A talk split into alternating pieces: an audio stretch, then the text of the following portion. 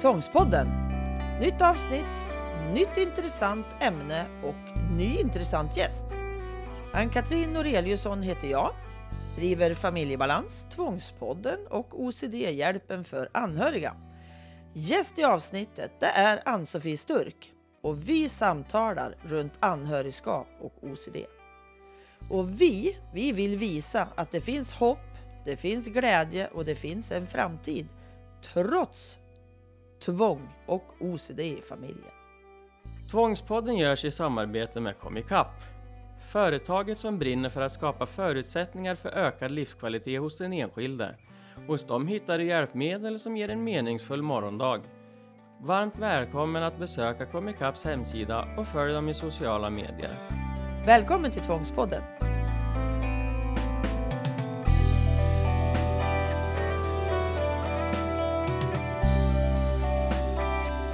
Hej Ann-Sofie och välkommen! Tack så mycket!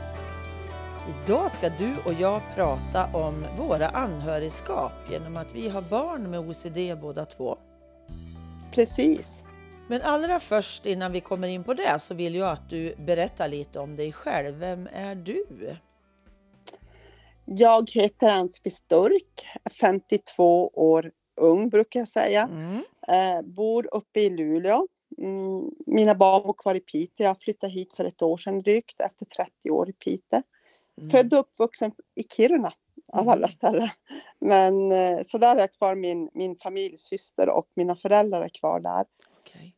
Eh, har två vuxna döttrar idag, 22 och 24 år. Mm. och är, jag jobbar just nu på en skola, jag är fritidspedagog, mental tränare, Mm. eh, hypnoscoach, mindfulnessinstruktör och så har jag lite andra eh, utbildningar också. Precis, men var inte du färdig med någon utbildning? Var det mental tränare där? Ja, den var klar igår. Ja, men precis. Det är liksom bara grattis till den. Ja, jo, det, jag har hållit på med den ganska många år. Så Mm. Jo, det känns jätteskönt. Lite overkligt men jätteskönt och Ja. roligt framför allt. Ja, jätte, och jätteviktigt att vi har alla mentala tränare, tänker jag. Och särskilt Ja. med din kunskap som har liksom OCD inifrån familjen. Precis. För jag kan tänka mig att man kan använda mycket av det mentala tränartänket in i OCD, alltså som anhörig. Ja, det, jag övar mycket på min, det är min 24-åriga dotter som har, eller har haft väldigt, väldigt svår OCD Mm. eh, inom ganska många olika områden. Det finns ju lite olika områden inom OCD, men, men inom många områden. Och där har den mentala träningen hjälpt henne väldigt mycket måste Mm. jag säga. Jo, men det är ju så. Mindsetet alltså, i en själv spelar ju roll. Hur jag ska ta Ja, mig an och komma ur eller kunna hantera min OCD. Så är det ju. Jo, precis. Och sen mycket det här att bygga upp deras självbild och Mm. självkänsla. Liksom Mm. att vara stark i sig i grund och botten och tycka om den man är. Mm. Eh, och att man är, man är inte sina diagnoser liksom, eller sjukdomen utan man har så, alltså, man De har så har mycket man. annat också. Ja, men precis. Jag har OCD. Och jag, men det är inte hela jag. liksom. Jag har så mycket mer. Exakt Nej, så. precis. Mm. Precis. Nej, men självaktningen är ju jätteviktig för oss allihopa. Och ännu viktigare när jag dras med en sån svår psykisk sjukdom eller psykiatriskt tillstånd som OCD är. Ja, precis. Ja, den är, den är så handikappande. Mm. Alltså, det är en väldigt handikappande Mm. sjukdom också som, som begränsar livet Ja, mycket för många människor. Absolut. Ja, jag tycker min, min son har ju flera diagnoser inom både MPF och, och psykiatri. Då. Och det är klart OCD som har varit den tyngsta och tuffaste för honom. Helt klart. Ja, ja, det är samma för min dotter också. Det är den som har varit mest begränsande och egentligen för hela familjen skulle jag säga. Mm. För att det, det är lätt att man, man dras ju med i det för att man orkar inte. Man lever i det 24 timmar om dygnet Ja, och det är, ja, det tar på krafterna för alla. absolut. Ja, men det är en jättemycket en anhörig sjukdom tycker jag.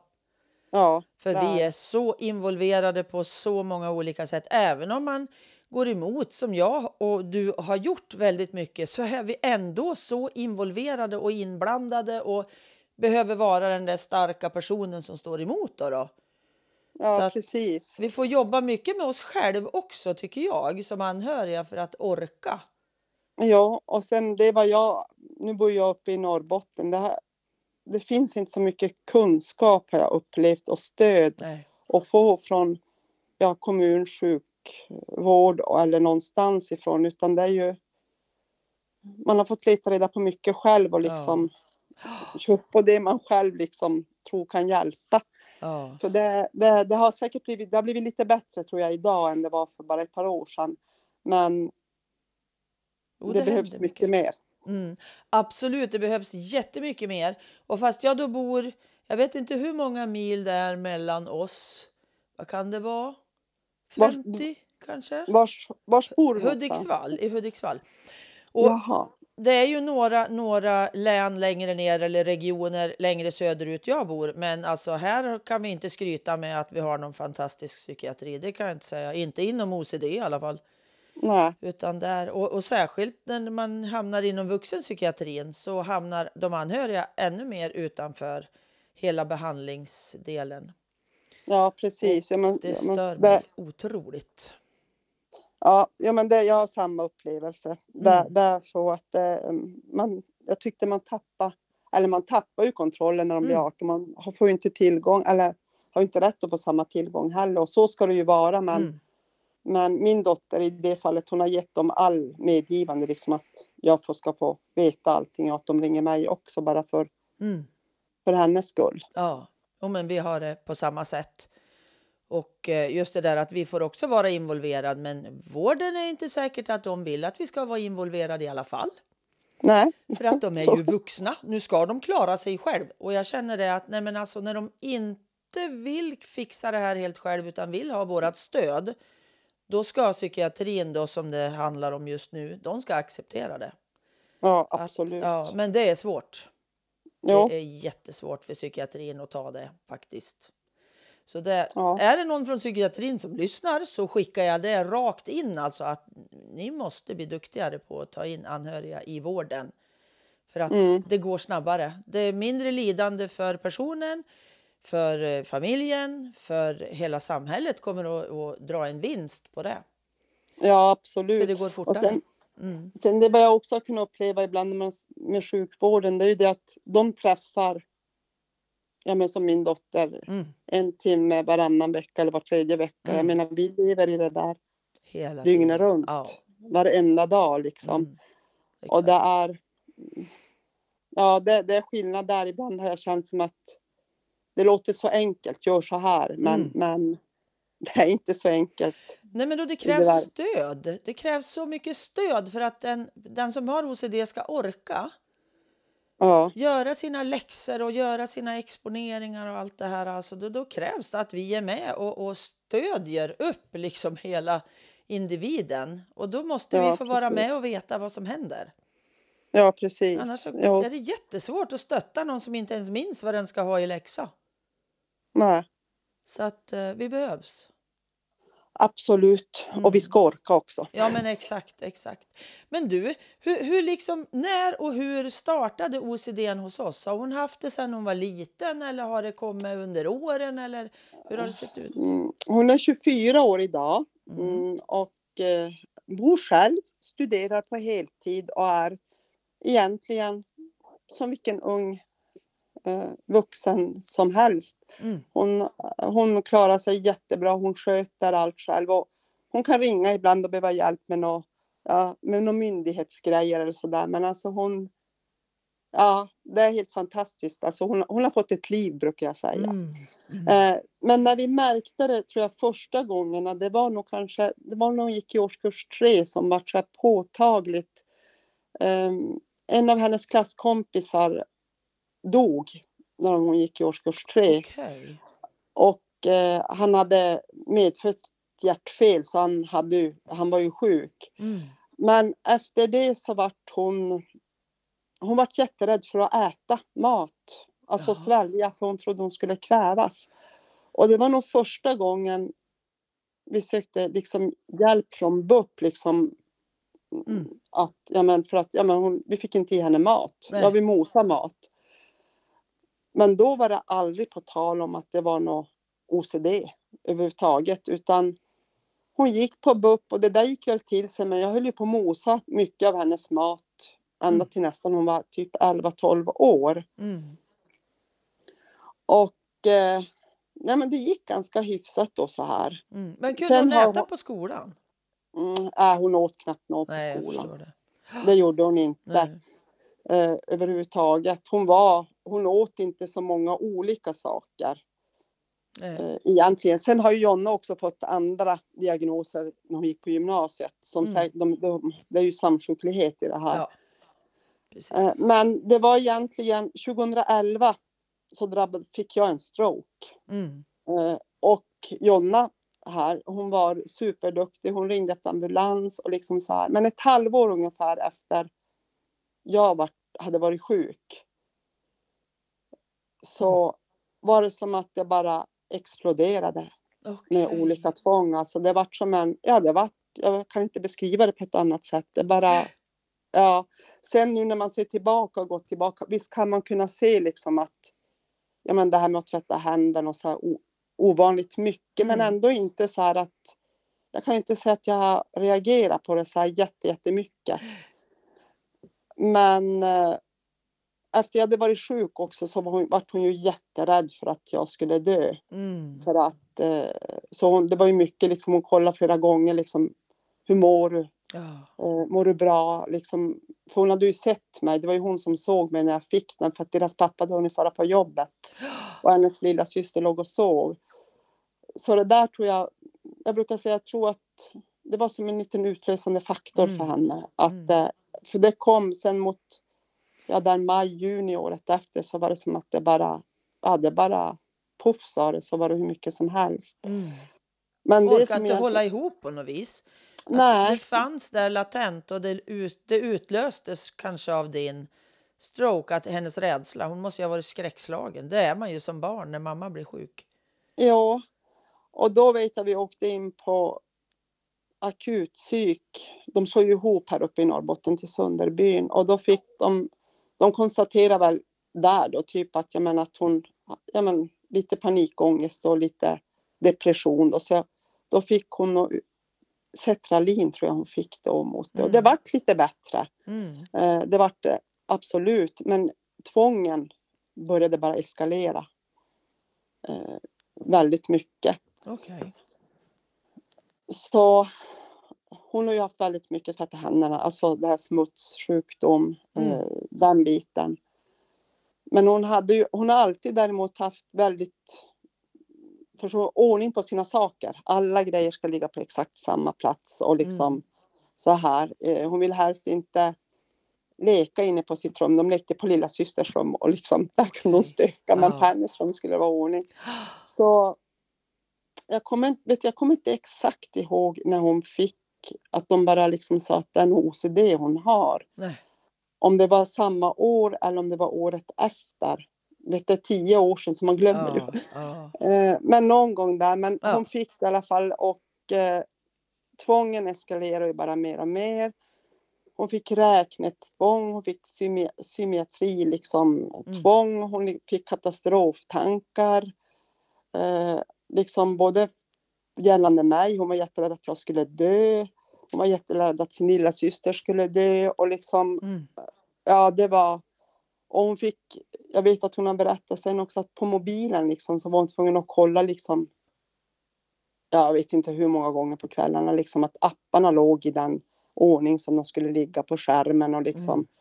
Så det egentligen när hon var som sjukast så ja, jag tror inte att det var många timmar per dygn. Hon sov inte så mycket heller Nej. som hon inte utförde någon typ av ritual eller tvång eller liksom Nej. Och hon gick ju på högstadieskolan ganska nära där också. Så när hon kom hem då gick hon in i garaget och då satt hon där. Och hon satt, kunde sitta där ganska länge för hon visste liksom för att liksom hämta ork. För att, nu, då gick hon in i tvättstugan, bytte kläder där. Gick in sen på toaletten och hade kläder där. Och sen gick hon in på sitt rum också. Och där bytte hon också kläder. Och den enda som fick komma in i hennes rum överhuvudtaget ibland, det var jag. Alltså Mm. för att hon var rädd att dra in liksom smuts och Smitta. Mm. dit in. Så det vart som... Och jag vet också att hon till slut fick sin lilla syster också byta kläder ibland bara för att hon bara, jag orkar liksom inte höra Nej. henne liksom tjata på mig. Så hon bytte ju också kläder då Ja. eh, ibland. Så att... Eh, och det vart ju mer, hon, hon vart lite mer och mer isolerad också. Hon vill, ville inte lämna huset. Eh, hon, gick, hon gick ändå, måste jag säga, bra i skolan under högstadiet. Att hon var liksom där. Ja. Och jag jobbar, har jobbat inom skola själv och jobbar inom skola. Så att vi gjorde mycket utav, speciellt när vi gick låg och mellanstadiet, gjorde vi ju läxorna och sånt hemma. Jag kunde hjälpa henne. Mm. Så hon har ju klarat, mm, upp till årskurs nio klarar hon ju Mm. ganska bra och fick betyg så att hon kom in på gymnasiet. Men eh, ja, Men hur agerade du runt omkring? Hur mycket visste du då när hon blev sjuk och så? Hur mycket kunde du? Och hur agerade du runt henne då? ja, när hon fick diagnosen OCD så måste jag säga att jag kunde inte något speciellt. Jag vet, just Nej. själva OCD vet jag inte ens knappt om jag hade hört. Nej. Men där att det finns tvångstankar och tvångshandlingar, det har man ju hört. Men jag som aldrig tänkt riktigt vad det innebar. Liksom, Jag tror det är det vanliga. ja, jag faktiskt. tror också att det är det. Men när hon fick det så började jag ju leta. Liksom, Mm. Där är ju internet fantastiskt. Ja. Liksom att kunna söka information och hitta. Och jag, jag måste tänka på om 14 eller 15. Ja, men i alla fall jag, jag letade och, och vi gick ju på psykiatrin och det, men som sagt, alltså hon vart ju inte bättre eh, på något sätt, utan det eskalerar ju bara hela tiden. Mm. Men jag vet att jag hittade OCD-centret i Uppsala Ja, mm, på nätet. Men där är man ju tvungen att vara 18 år för att få Ja, komma men- dit. precis. Hon hade ju flera år kvar tills hon Ja. fick åka dit då. Ja, Precis. Men Mm. det, det vart som ändå ett mål. Jag tänkte bara dit ska hon. Ja. För att... Eh, men åren gick ju ändå. Det var ju, jag brukar säga att vi har, haft, vi har levt i vårt privata lilla fängelse i ganska många år. Och när man ser tillbaka så här nu, liksom, kan jag tänka liksom hur, hur, hur orkar man? Mm. Men, men jag bestämde mig ganska fort faktiskt eh, när hon, när hon var sjuk ändå att det, det kommer bli bättre, det måste bli bättre. Mm. För så hon, det måste bli bättre. Alltså, hon ska få ett bra liv och liksom, vi ska få det, liksom, det normalt igen. Ja. Och det där vet det vart som en ja, drivkraft. Och så kom jag in på den mentala träningen. Jag hittade den utbildningen. Så jag började den utbildningen 2017. Och det är ju fyra år sedan. Det var, Mm. Jonna, men det var nog i samband med att hon åkte på OCD-centret i Uppsala där. Jag kommer inte exakt ihåg åren. Jag blandar nog ihop åren Ja. lite grann. Men det gör inget. Nej, men, men det vart som ett mål och jag började träna lite. Jag, vi får upp, fick uppgifter inom den mentala träningen det här för att när hon var som sjukast så ja, jag fick säga åt henne att hon skulle gå på toaletten. Hon tog sig inte ens vatten. Och vi började liksom med, med hennes första mål var att hon skulle ta sig fyra glas vatten på en dag själv. Ja. Eh, och det började funka sen och sen byggde vi ut. För vi hade en, hon hade sitt rum uppe på övervåningen. Och när hon gick upp för trappen så gick hon några steg så var hon tvungen att gå ner och så dötte hon lite med tårna i ett mönster och så Mm. gick hon upp något steg. Så du vet bara att ta sig upp för trappen tog ju en liten stund för henne Mm. att ta sig upp. Eh, och det vart sen, jag kommer inte exakt ihåg om det var andra, men alltså efter ett tag så vart det att hon skulle gå upp utan att liksom göra något tvång. Mm. Eh, och det klarar hon också till slut. Och det, hon börjar som klara liksom små saker och så börjar hon ändå få till, och så jobbar vi med själv, hennes självbild och självkänsla också Mm. mycket. Och så får man ju en väldig struktur liksom och hitta strategier liksom för att få hennes, eller våran vardag att fungera om jag säger så. Men då när du, när du började där, vi säger då när hon hade sitt, när hon tvångade i trappan. Mm. Hur reagerade hon då när du bröt hennes mönster? Vad hände då? Hon fick väldigt mycket ångest. Mm. Eh, väldigt, väldigt mycket ångest. Och det är ju också det med, med om man så säger när de håller på med sina tvång där i början. Det som jag säger, de, man ska, man vet, jag vet att man ska inte gå med, man ska stå emot. Mm. Men när det är liksom flera gånger per dag och de kanske får utbrott och Mm. väldigt my- hög ångest så men jag orkade då i alla fall inte eh, varje gång tiden. liksom. Nej. Nej, inte hela tiden för att man var ju helt man var helt slut ibland, Ja. alltså ofta var man väldigt, väldigt trött och slut så att Mm. eh, men som sagt, vi hade det OCD-centret hade tiden att dit ska hon Ja. och eh, bara jag började ju, hon gick ju, hon hade en väldigt bra terapeut faktiskt på, för hon hade flyttat över på vuxensidan då ja. För jag tror hon fick åka, när hon var, var hon, hade hon hunnit fylla 19? Ja, i alla fall då, men hon, hon eh, hjälpte till mycket och jag vet att vi hade ett sånt här eh, bedömningssamtal på, på psykiatrin Mm. om hon då skulle få åka, för det är ganska dyrt att skicka Ja. dem på behandlingshem. Och för att få komma på OCD-centret, för jag hade haft kontakt med dem, då skulle de ju ändå vara motiverade att de ville bli mm, för behandlingen för att de skulle få komma och Mm. tas emot där. Eh, när vi hade det här på psykiatrin så vet jag att det var verksamhetschefen och vi satt där med.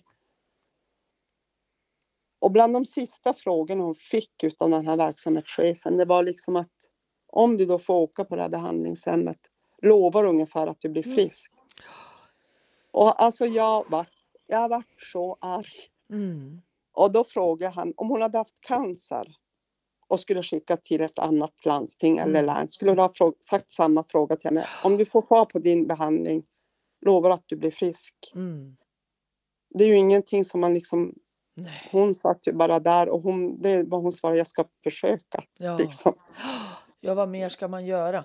Men hon fick åka dit i alla fall och vi var på sån här äh, bedömningssamtal kallar de det. Och hon fick ju komma dit för hon hade ju så pass svår OCD så Mm. att hon åkte dit i, jag tror det var 12 juni. Okej. Nu kommer inte jag ihåg året. Eh, Det kanske var 2017 eller 18, något utav det. Mm. Så där var hon i, jag tror hon kom hem i hon, november eller februari. Ja men hon var där i alla fall drygt ett halvår. Ja. Eh, och hon hade fått vara hem, var hon hem någonting där på hösten? Ja men jag var då ner dit i alla fall och hälsade på henne och så där. Och jag kommer ihåg första veckan och då ville hon ju bara hem därifrån. ja, det är ju det är klart om, det är, väldigt, det är en väldigt tuff behandling. Mm. Men när jag kom, jo det var i september jag får ner där. Och då får du iväg ut och åt bara på McDonalds. Och då hade det hänt. Då såg man alltså det började hända just det med smutstvånget. Okej. Eh, för då kunde hon liksom röra i golvet utan att gå och tvätta händerna. Ja, Och det var ju liksom otänkbart. Ja. Så att eh, det var för henne vart det nog räddningen att få komma dit. För där, de jobbar ju väldigt intensivt och det är, de är ju så kunniga där. ja. Eh, Tyvärr är det ju inte så jättemånga tror jag som Får åka har möjligheten att få Nej. komma dit. Nej, vi försökte också, för våran son var ju också vansinnigt sjuk. Men eh, det nekar de här. Det gick Ja. inte. Och jag hade hur många samtal som helst för att jag ville rädda han från att gå under. Men då fick de steppa upp här istället, så han fick en jättebra terapeut. Så att eh, det hände väldigt mycket saker för honom också. Ja, Helt klart. Så att, men det krävs ju ordentlig behandling och är någon som kan Mm. OCD. Annars är det liksom bortkastat.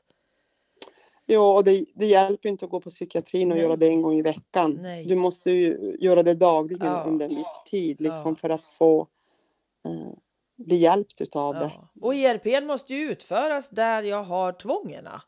Ja, precis. För det hade ju min Marcus förmånen då. Hans terapeut kom ju hem till honom en par gånger i veckan då i början. För det var ju Ja. hemma han hade alla sina tvång liksom. Ja, Och det precis. var klart en, en, en vändning i det hela att de var på plats där det var. Där, ja. Och sen är det, jag vet att Jonna berättade också att de hade fått vara på soptippen och, och du vet Ja. gräva i sopor och bara Ja. det.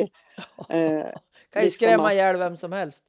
ja, exakt. Ja. Ja. jag skulle inte ha velat gjort det. Nej. Fast inte jag har haft OCD. Men alltså det är ju, de måste ju liksom för Ja. att de ska bli bättre. Ja, visst. Och Och det känns ju outhärdligt både för den som har OCD och anhöriga att måste utsätta sig för det här.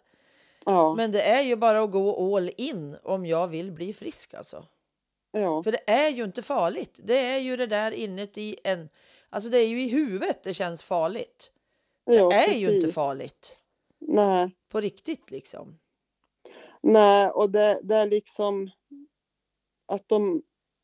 Det första de måste, det, det förstår jag att de ska vara motiverade när de kommer dit för att få hjälp. För att Mm. är de inte det, att de vill bli friska, så är det nog jätte, jättesvårt för det där är så tuff behandling Ja, liksom. visst. Att klara av det. Så de måste ju verkligen ha det bara, jag vill bli frisk. Ja, Annars tror jag att Exakt. det är... Det blir nog svårt mm. att klara av den annars. Och det, däremot sen när hon kom hem därifrån, där märkte jag för att de, de kan, man kan ju som inte bara sluta, eh, förstår du, tvärt sluta Nej. en behandling. det, Där föll det faktiskt ganska mycket när hon kom hem med att okej. få stöd och hjälp. Mm. Ja, de måste ju ta över. De måste Ja. ju fortsätta på den, den psykiatriska mottagning jag tillhör hemma. Ja. De måste ta över. Precis, och det är där jag. Mm. upplever, de har ju, de har, jag upplever att de inte har så mycket kunskap hur de ska hjälpa Nej. de här som har OCD. Nej. Tyvärr.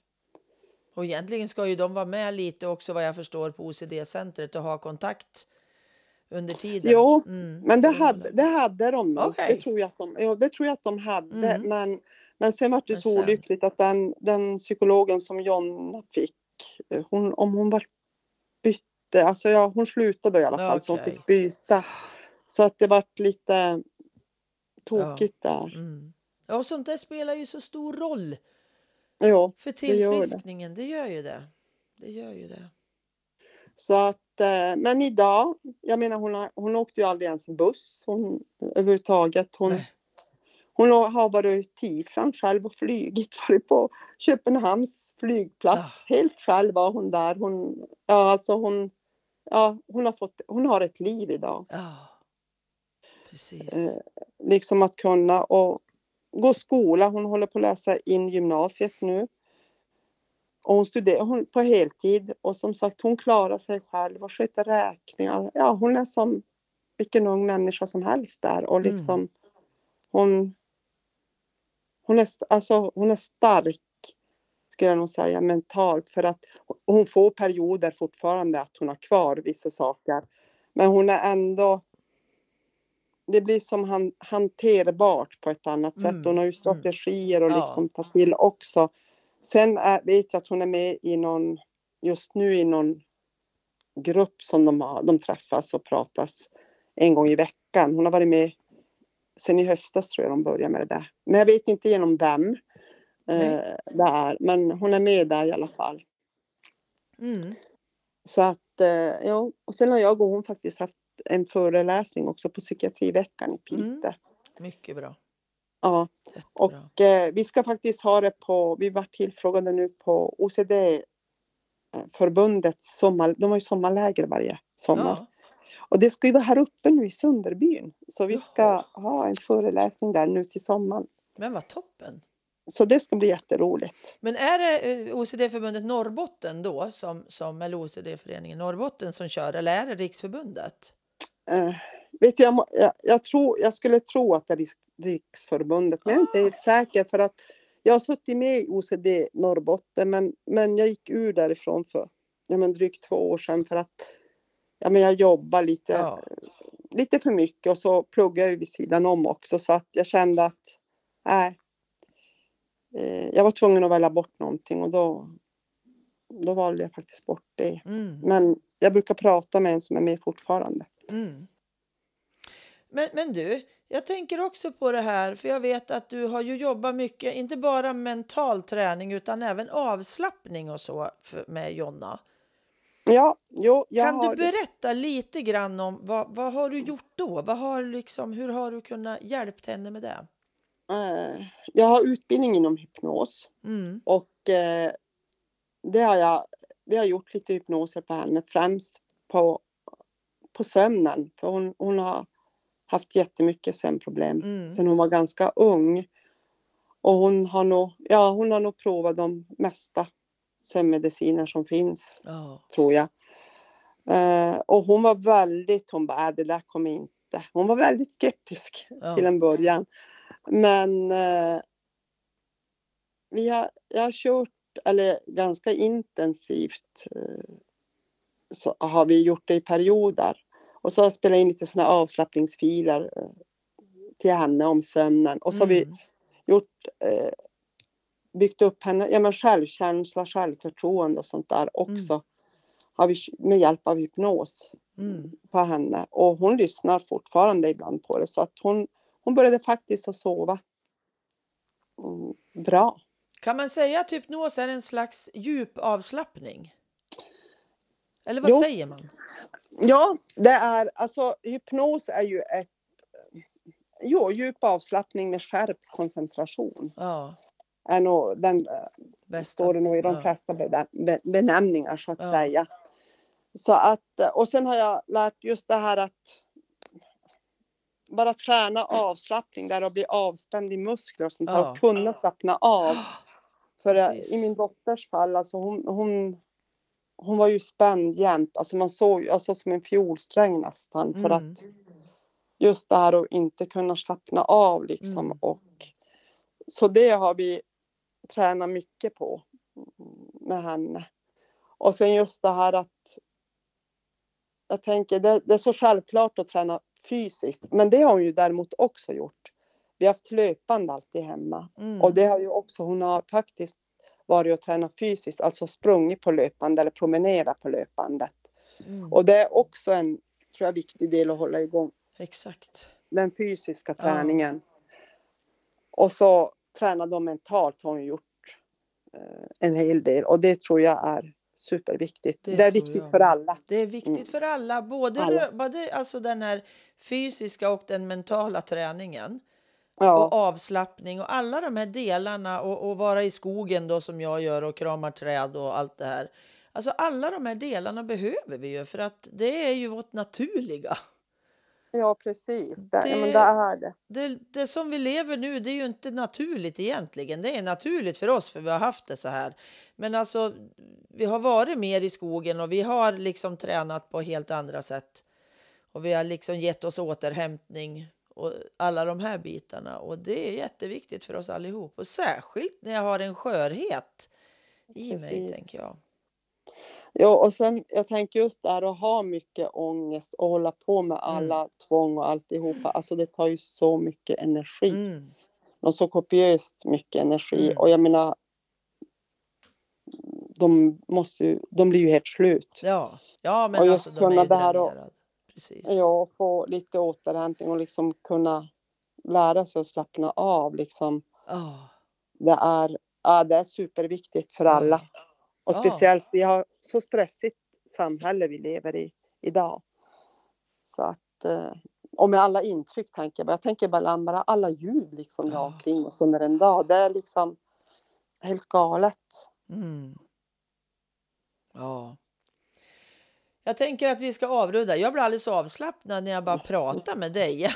Så känner jag hur jag, jag går ner i varv. För jag, jag gillar din röst och din dialekt och den är lugn och, och sansad. Men vi ska avrunda samtalet. Men Ja. har du något mer som du skulle vilja lägga till som inte jag har tänkt och kommit ihåg och frågat eller ställt? Eller om du har något tips eller något sånt där? Ja, det är vad jag tänker så här som anhörig där liksom. Eh, jag hade alltid liksom. Alltså i bakhuvudet och många säger gud du är så positiv. Men alltså jag tänkte hela tiden att det måste kunna bli bättre för så hon måste kunna bli frisk. Mm. Och jag, visst, jag hade jättemånga gånger stunder liksom eh, när man liksom var, kände helt maktlös, hopplösheten och allt det här. Mm. Men väldigt tidigt där, egentligen nästan när jag själv var sjuk också, så vars jag hörde det eller läste det, det var liksom att när jag går och lägger mig så började jag skriva ner tre Ja, saker det. eh, om eh, min dotter då som hade varit bra varje dag. Mm.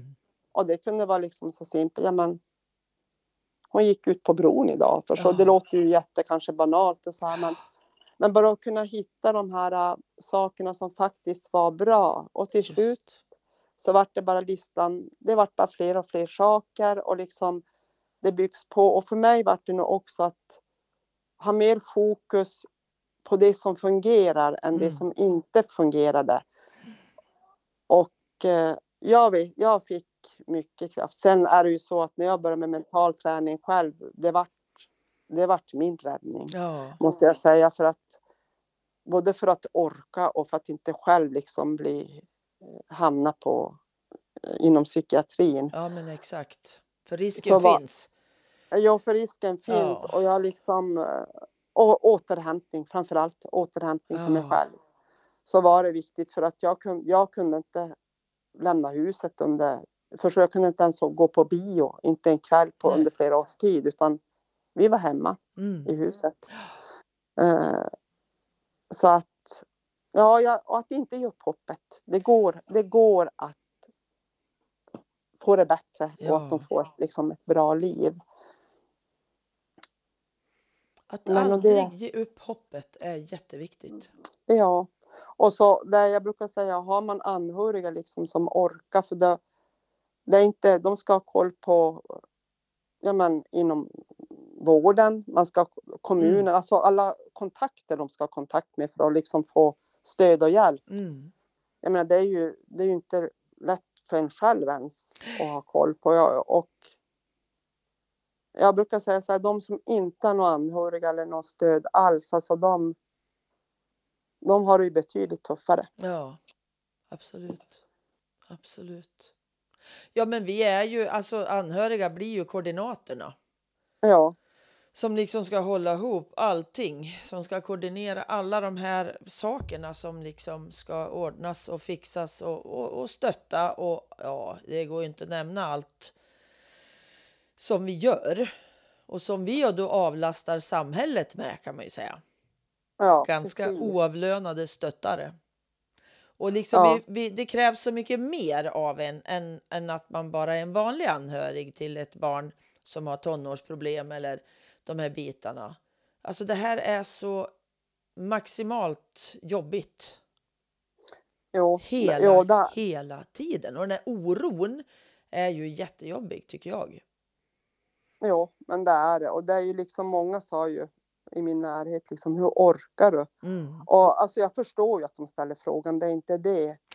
Men alltså till slut, jag vart, vad hade jag för val? Nej men exakt, det är Jag menar. Mm. Man, det går inte att lämna bort sitt barn. Liksom, förstår? Vad, vad har man för val? Det är ju bara att välja eh, att liksom hitta något som, för att överleva eller så, Ja, så eh, blir man halv, eh, i- gal, inte galen på det sättet, men Nej, så men utmattad. man är utmattad. Ja, men precis. Ja. Jag undrar hur många det är som är sjukskriven av anhöriga som har någon med psykiatriska tillstånd, alltså åkommor. Det måste Ja, vara är nog- massor, massor. Ja, det är nog väldigt många. Ja. Det tror jag absolut att det är. Så att det är... Men det som ändå är bra, tänker jag, det är inte, jag upplever inte att det är lika tabu eller stigmatiserat att prata om som det var bara för, jag tänker det, Några år sedan bara. min, ja Mm. precis, bara några år tillbaks i tiden. Och det är ju med många di diagnoser, psykiatriska Mm. diagnoser och det, det är ju super, super bra. Sen Ja. behövs kunskapen, vissa finns det mer kunskap om än vissa, men, eh, ja, exakt. så är det ju, men det är mycket kvar att göra. Det är mycket kvar att jobba på och vi jobbar Ja. vidare med våra föreläsningar och sådär. Så att, och vi skrotar skammen dagligdags och vi håller hoppet levande och vi visar att det finns en framtid, tänker jag. Ja, precis. Och sen jag, något som också har varit jätte, jätteviktigt för mig, det är liksom att hon aldrig ska behöva skämmas för de diagnoser hon har fått, utan Nej. Precis. För det finns styrkor med de flesta, eller flesta diagnoser och bygga på det liksom att det här är jag och liksom hon hade ju inte varit den person hon är idag heller utan sina diagnoser. Nej, nej men Och hon det. är, hon är en fantastisk människa idag och det är liksom hon är, ja, hon är omtänksam, har så mycket empati och liksom, ja, som en, ja, hon är en fantastisk person. Mm. Det har hon alltid varit, men alltså Ja, med men de får tanke ju på, de får helt andra erfarenheter liksom. När man har levt i sådana här svårigheter då får de liksom en annan ödmjukhet på något vis, Ja, tycker jag. ja, Jag ja. ser liksom att de blir väldigt speciella på ett väldigt bra sätt. ja precis, de är, ja, de, de gör det bra, alla, alla. De har något extra. Ja, Mm. mm. ja, Tusen tack Ann-Sofie för det var jättetrevligt att få ha dig som gäst här i podden. ja, det var jättekul att få vara med. Mm-mm. Ha det bra! Ja, Hej då! hej då. Berätta gärna om Tvångspodden för andra så att de också får lära sig mer om tvång och OCD. Är du anhörig och har OCD i familjen och känner dig ensam? Då ska du gå till familjebalans.se. Där lämnar du namn och mejladress så kommer du att få information och kunskap från mig. Och kanske vill du bli en del i medlemstjänsten OCD-hjälpen för anhöriga. Tack vill jag säga till Anders för redigeringen, till Petra Berggren för fotograferingen, till Pelle Zetterberg för musiken och såklart ett jättestort tack till Comica för att vi samarbetar. Hej då! Hoppas vi hörs igen!